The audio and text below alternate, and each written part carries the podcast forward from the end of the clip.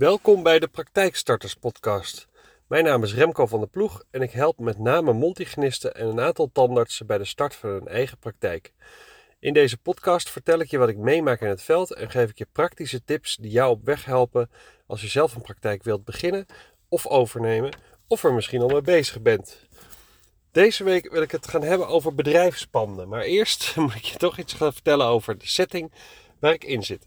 Ik zit in een auto. Dus mocht je denken, goh, wat een gek geluid, dat klopt. En hoezo zit ik in de auto? Nou, ik ben op vakantie en uh, mijn gezin en ik hadden hier wijs naar uitgekeken. Want we zijn in de buurt van Orlando, Florida.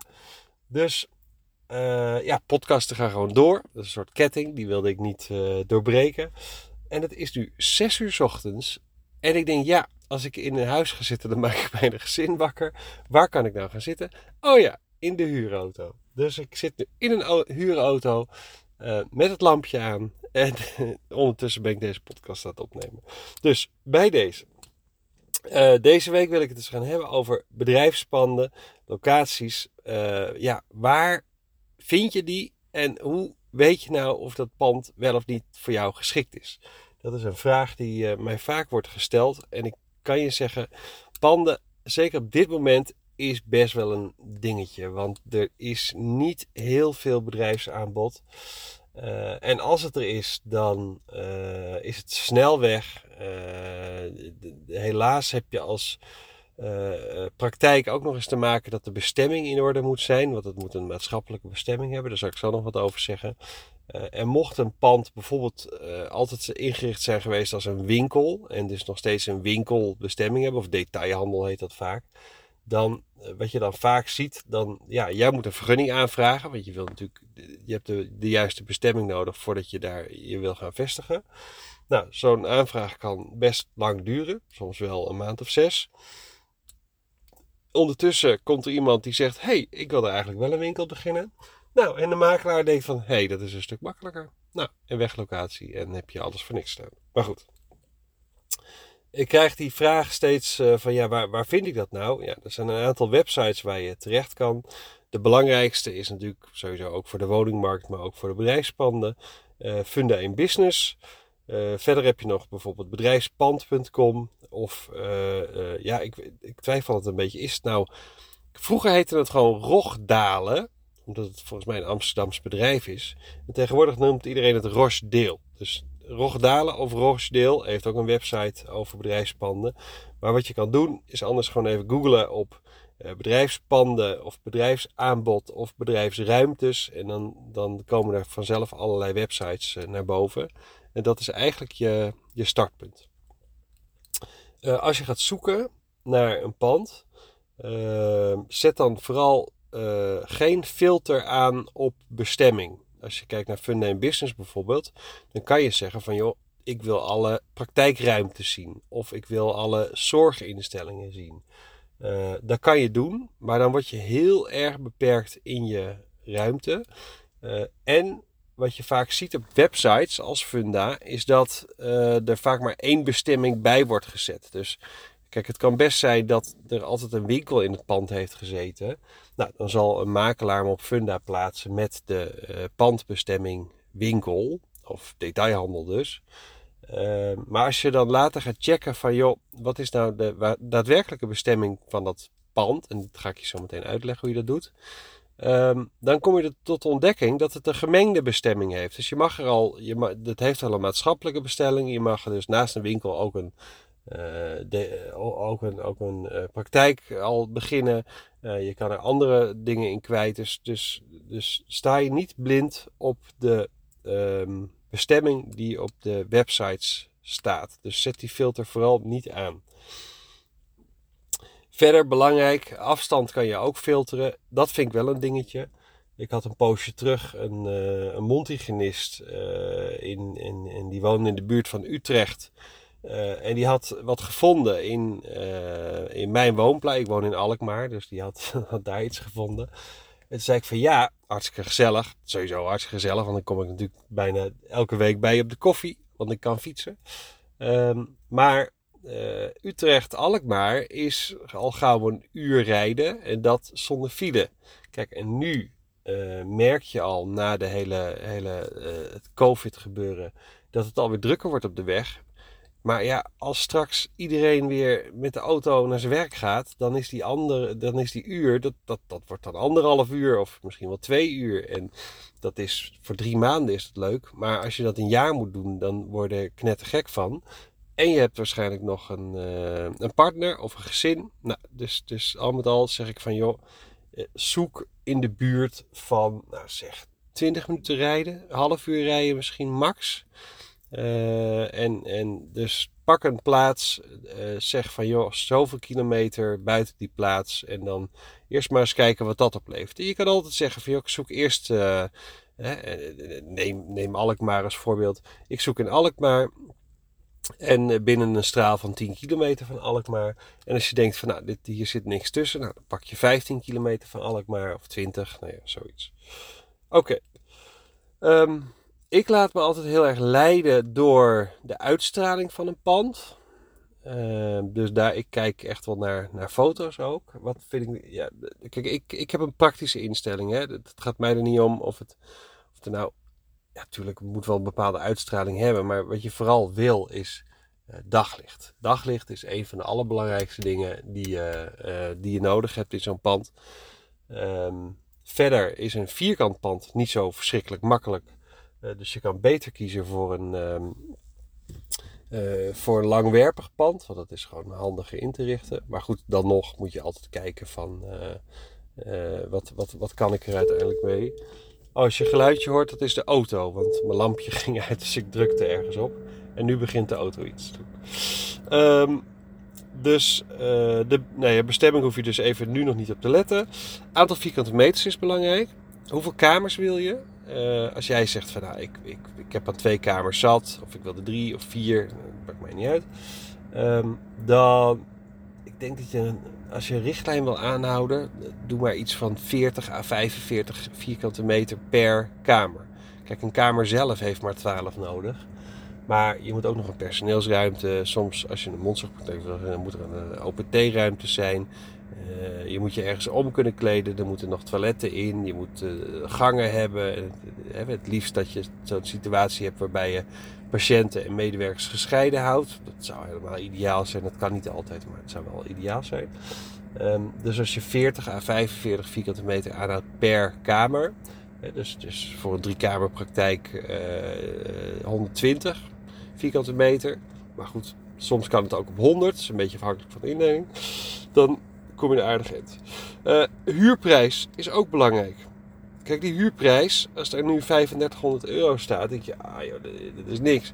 Maar die 3500 euro, die moet je elke maand ophoesten.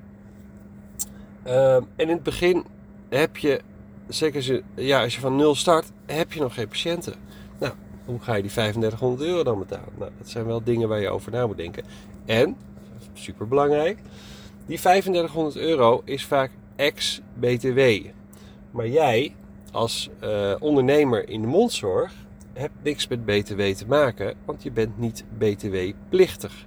Oftewel, uh, jij betaalt uh, de ex-BTW-prijs en als je niks doet, met 21% BTW er weer op. Dus doe die 3500 euro keer 1,21 en dan weet je wat de prijs inclusief BTW is. Nou, dat is niet helemaal waar, want wat veel bedrijven vaak doen, omdat je dus een ondernemer bent in de, uh, in de mondzorg, uh, zeggen ze van nou, we passen een zogenaamde BTW-compensatie toe. Dus dan rekenen ze je niet de volle map, niet de volle 21%. Maar wat ze dan vaak doen, dan doen ze ongeveer 5 tot 7,5% bovenop de huurprijs uh, om een stukje BTW te compenseren. Dus dan moet je gewoon de huurprijs die er nu staat keer uh, 1,05 of keer 1,075 doen. En dan heb je een redelijk beeld van uh, waar de huurprijs uiteindelijk op uit zal komen. En soms is er nog onderhandelingsruimte hoor in de huurprijs. Dus het is, het is ook niet altijd zo dat je dan die 3500 alsnog betaalt. Uh, zeker omdat het vaak om huurcontracten gaat. die je afsluit voor een periode van 5 of 10 jaar. Als je, als je wil financieren via de bank, dan wil de bank graag het liefst zien dat je 10 jaar huurt. Um, Dus nou ja, goed, daar is nog van alles over te zeggen. Maar goed, huurprijs. Belangrijk, want je moet hem betalen. Koopprijs kan natuurlijk ook. Hè. Ik heb ook mensen die zeggen van nou, ik zit niet te wachten op huur. Eh, ik ga straks voor, voor een ton of misschien wel een paar ton verbouwen. Vind het zonde om dat in een huurpand te doen.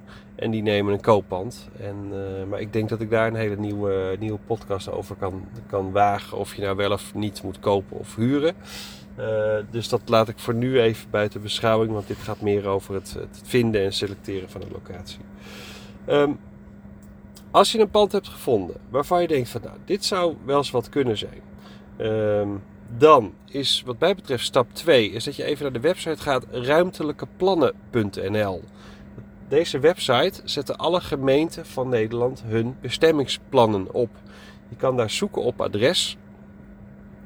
Uh, en als je je adres hebt geselecteerd waar je op zoekt, dan kan je daarna uh, kijken wat het huidige bestemmingsplan is.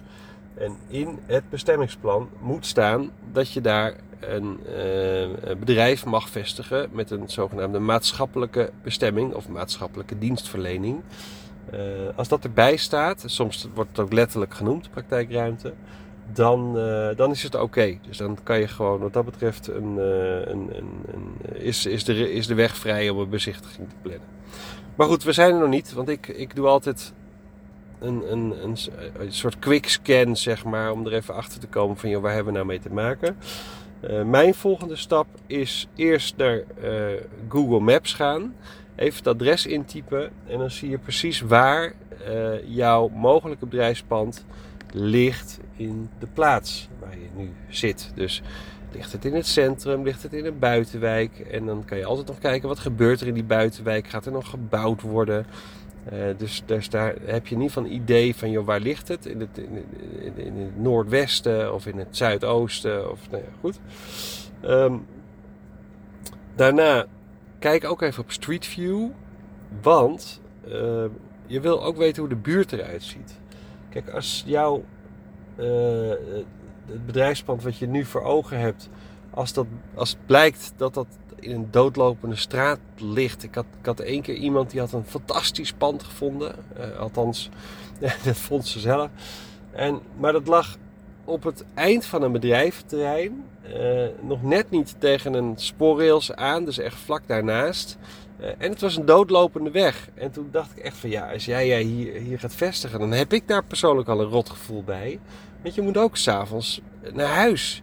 En wat gebeurt daar dan s'avonds? Dus weet je, Google Street View geeft je in ieder geval alvast een indruk van hoe de buurt eruit ziet. En dan kan jij alvast bedenken, voel je je hier prettig bij? Uh, en vraag 3 uh, is dan ook nog van, voel je er ook s'avonds prettig bij? Dat kan Street View je natuurlijk niet vertellen. Maar je kan wel s'avonds even gaan kijken wat je er zelf van vindt. En als daar hele grote groepen met mensen, jongeren struinen of bijeenkomen, dan moet je je afvragen of jij er een onwijs lekker gevoel bij hebt als jij wel s'avonds tot een uur of 9 à 10 wilt open zijn en als je in je eentje naar huis moet s'avonds. Maar goed, um, dat is weer even het vaderfiguur in mij wat, wat hier spreekt. Um, nummer 5. Uh, eh, Google op tandarts en de plaats. En waarom op tandarts? Nou, omdat de meeste mensen zoeken op tandarts. Je kan ook op mondzorg googlen en dan krijg je de meeste praktijken ook wel. Maar uh, ik merk vaak als je op tandarts googelt, hè, tenzij je natuurlijk een vrij gevestigde mondhygiënepraktijk wil beginnen, dan kan je misschien beter op mondhygiënist of mondzorg googlen. Um, om erachter te komen wat er al zit. En zo kom je er ook achter of uh, dat wat er al zit misschien wel pal naast je zit. Uh, en dat is ook nog niet eens zo'n probleem, maar dat ga ik je in het volgende punt vertellen. Uh, de, je wil weten wat voor praktijken daar al in de buurt zitten. En uh, nou ja, het volgende punt zal ik gelijk verklappen. als je naar de. Kijk, concurrentie bestaat in mijn ogen niet. concurrentie, er is niemand die zegt, nou dat is jouw concurrent. Jij maakt zelf een concurrent. Dus jij vestigt jezelf. En als jij een andere praktijk een concurrent vindt, dan moet je je afvragen waarom dat is. Kijk, het kan wel zijn dat jullie exact dezelfde behandelingen aanbieden. Um, Maar ja, gaat het echt om de behandeling? Ik denk dat het meer om de, de manier gaat waarom je met, met, hoe je met patiënten omgaat. En hoe je ze geruststelt. En hoe je artspatiënten naar binnen haalt. En, en dat soort dingen. Dus ja, dan kan je honderd keer dezelfde behandeling uitvoeren. Maar als de manier waarop je dat doet of hoe je met mensen omgaat compleet anders is, dan, dan, dan, dan zit je jezelf bang te maken door iemand een concurrent te, te, te, te noemen voor niks. Want het is, het is helemaal niet nodig.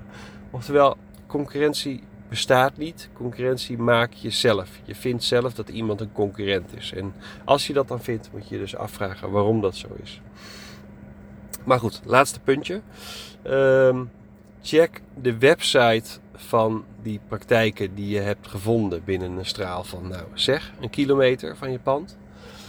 Ehm, en kijk even wat daarop staat. Is het een hele verouderde website? Met, met, en, en weet je, het, het kan best zijn dat hij er al heel lang zit en dat hij een patiëntenstop heeft. Dat zie je vaak ook op websites staan. Dus, dus dan is het allemaal niet zo spannend. Ehm, ik had laatst iemand die had een mooie, echt wel een mooie locatie gevonden, moet ik zeggen. Uh, in het centrum van een stad. En ik checkte die even via dit, dit, eigenlijk dit rijtje. Um, en ik kwam uiteindelijk tot de ontdekking dat echt aan de overkant van de straat, schuin tegenover, je kon zwaaien naar elkaar, zat echt een gigantische uh, groepspraktijk. Dat was een verzameling van, van vijf andere praktijken die met z'n allen op dezelfde plek ongeveer waren gaan zitten. En uh, dus ik zeg van, nou ja, ik weet niet, en heel modern, allemaal nieuw. En dus ik, ik dacht echt van, nou, is het daar zo handig om daar inderdaad je te gaan vestigen? Uiteindelijk is dat ook niet doorgegaan. Dus eh, op de website van andere praktijken zie je al gauw of dat nou wel of niet echt heel spannend is. En of je die nou als, als ja, concurrentie zou kunnen beschouwen. Maar um, nou, dat zijn dus de dingetjes. Dus even het rijtje weer langs. Uh, eerst ga ik naar een website. Uh, zoals bijvoorbeeld een Funday Business of bedrijfspand.com. Ehm, daar ga ik gewoon een beetje, een beetje struinen als ik denk van hé, hey, daar zit een eh, bedrijfspand tussen wat me aanspreekt. Uh, dan ga ik eerst kijken op ruimtelijkeplannen.nl of de bestemming in orde is. Is de bestemming in orde, dan, dan kan je wat mij betreft naar stap 3. Is die niet in orde? Nou, realiseer je dan dat het, dat het zomaar soms zes weken kan duren, maar het kan ook zes maanden duren bij een gemeente om een vergunning aan te vragen. En dan moet je je dus eh, wel realiseren dat het best kan zijn dat de makelaar uh, het ondertussen aan een ander uh, weggeeft. Dat gebeurt er helaas nog eenmaal. Stap 3. Uh, eh, check Google Maps. Waar ligt dit pand in de plaats waar je je wil vestigen? En gebeurt er iets in die, in die hoek? Wordt het nieuw gebouwd? Punt 4. Street View. Ehm, hoe ziet de buurt eruit? Voel je er prettig bij? En voel je er ook s'avonds prettig bij. Punt 5. Google op tandarts, mondzorg of mondhygiënist uh, en de plaats. En dan zie je welke praktijken bij jou in de buurt uh, liggen straks. En uh, punt 6 is check de websites van die praktijken die nou, zeg binnen een straal van een kilometer van je zitten. Om te zien of het nou echt zo spannend is om er, om er om je daar eventueel niet te, te vestigen. Uh, en anders moet je weer naar punt 1 en dan ga je weer naar Funda Business en verder zoeken. Nou, dat was mijn uh, podcast. vanuit bijna Orlando, Devonport, zo heet het plaatsje. En het is ehm, ik zit hier nog steeds in het donker met mijn lampje in de auto aan.